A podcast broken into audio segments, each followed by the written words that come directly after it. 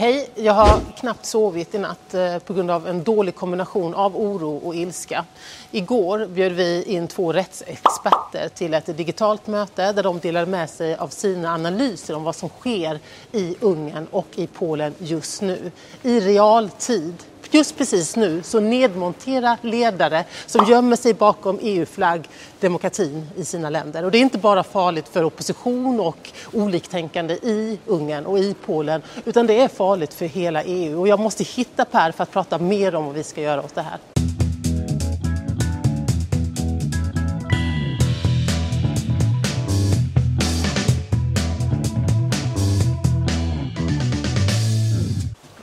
Kan vi ha låtit det gå så här långt? Ja, säg det. Alltså förpiskade luspudlar eller något annat hade Kapten Haddock kallat de här människorna för. Det är helt förskräckligt hur man år efter år har förvärrat, försämrat situationen när det gäller yttrandefrihet, pressfrihet och så vidare.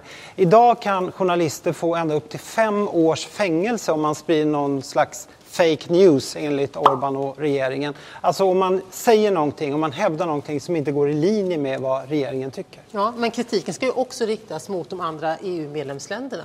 Först för några veckor sedan så samlades man och skrev ihop en, en skrivelse, ett brev, där man betonade vikten av att alla EUs medlemsstater måste eh, liksom respektera rättsstatens principer. Men Orban, som är hal som en orm och som har en tydlig strategi vad, vad han vill och vad han vill ta sitt land, han skrev förstås också under det här brevet. Mm.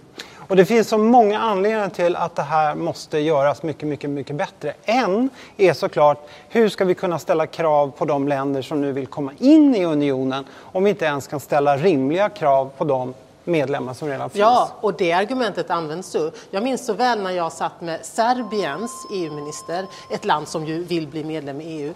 Och jag betonade att det återstår en hel del innan Serbien lever upp till de krav som finns på pressfrihet och hbtq-personers rättigheter. Och då sa hon direkt på, på, min kritik så svarade hon, jaha varför ställer ni de kraven på oss när inte ens EUs egna medlemsländer lever upp till dem?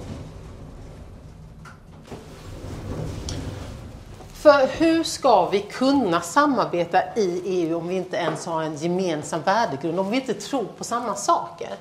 Eller? Ja, I och för sig verkar det vara ett mindre problem för de svenska kristdemokraterna och moderaterna, för de sitter ju faktiskt i samma partigrupp här i parlamentet som Fidesz i EPP. Det är EU-parlamentets största partigrupp. Och även om de svenska kristdemokraterna och moderaterna har krävt att de ska uteslutas så har det ju inte hänt. Det är ju bara ett spel för galleriet. De delar grupp. Mm. Syskonpartier, vilka ja. syskon att ha man kan i och för sig förstå att EU just nu har andra problem att brottas med. Det kanske inte är läge just nu att skapa ännu mer splittring. Men faktum kvarstår. Det finns verktyg för att strypa allt det finansiella ekonomiska stöd som går till både Ungern och Polen. Ja. För det är ju inte bara Ungern Nej. som är skurkar. Nej, men Polen, just nu håller man på och försöker förbjuda abort också av medicinska skäl. Fattar du?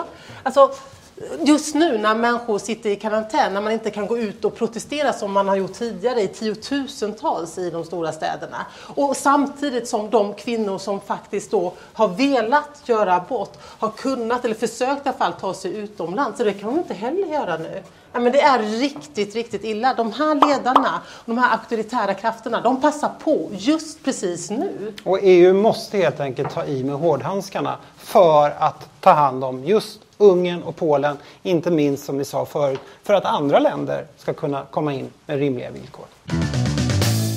Nu måste vi in och rösta. Ja, men jag vill ändå understryka hur förjäkligt det är att Fidesz tillåts fortsatt vara kvar i EPP-gruppens värme. Därför att det enda skälet är ju helt enkelt att man behöver deras röster. Man värderar deras röster mer än vad man värderar eh, mänskliga rättigheter och demokrati i Ungern. Och, och det är därför som det är så viktigt hur just EPP agerar, alltså där Moderaterna och Kristdemokraterna ingår. Och eh, våran eminente producent Torgny ska leta rätt på högsta hönset i EPP och fråga hur länge det här faktiskt får fortgå.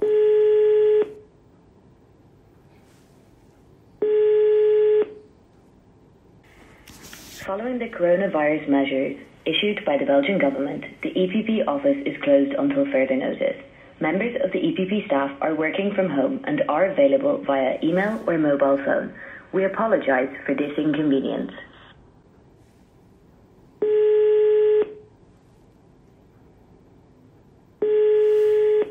Welcome to the Nextel Global Network. The subscriber is unable to answer your call at the moment. You can leave him a message. Welcome to voicemail.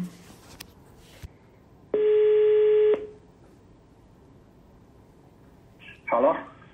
Hello, um, my name is Torgny. I'm calling from a TV show, a political TV show in Brussels, and I wish to speak with uh, Donald Tusk, please. Yes, it's not so easy to speak with Donald Tusk. Uh, so please send us an email and uh, and uh, explain in this email what it's about, and uh, then you, you will receive. Okay, because I, I tried to call the press officer, which is not picking up. But do you know that uh, we have uh, some coronavirus measurements here? Yeah, but you're working from home, right? Yeah, exactly. And uh, uh,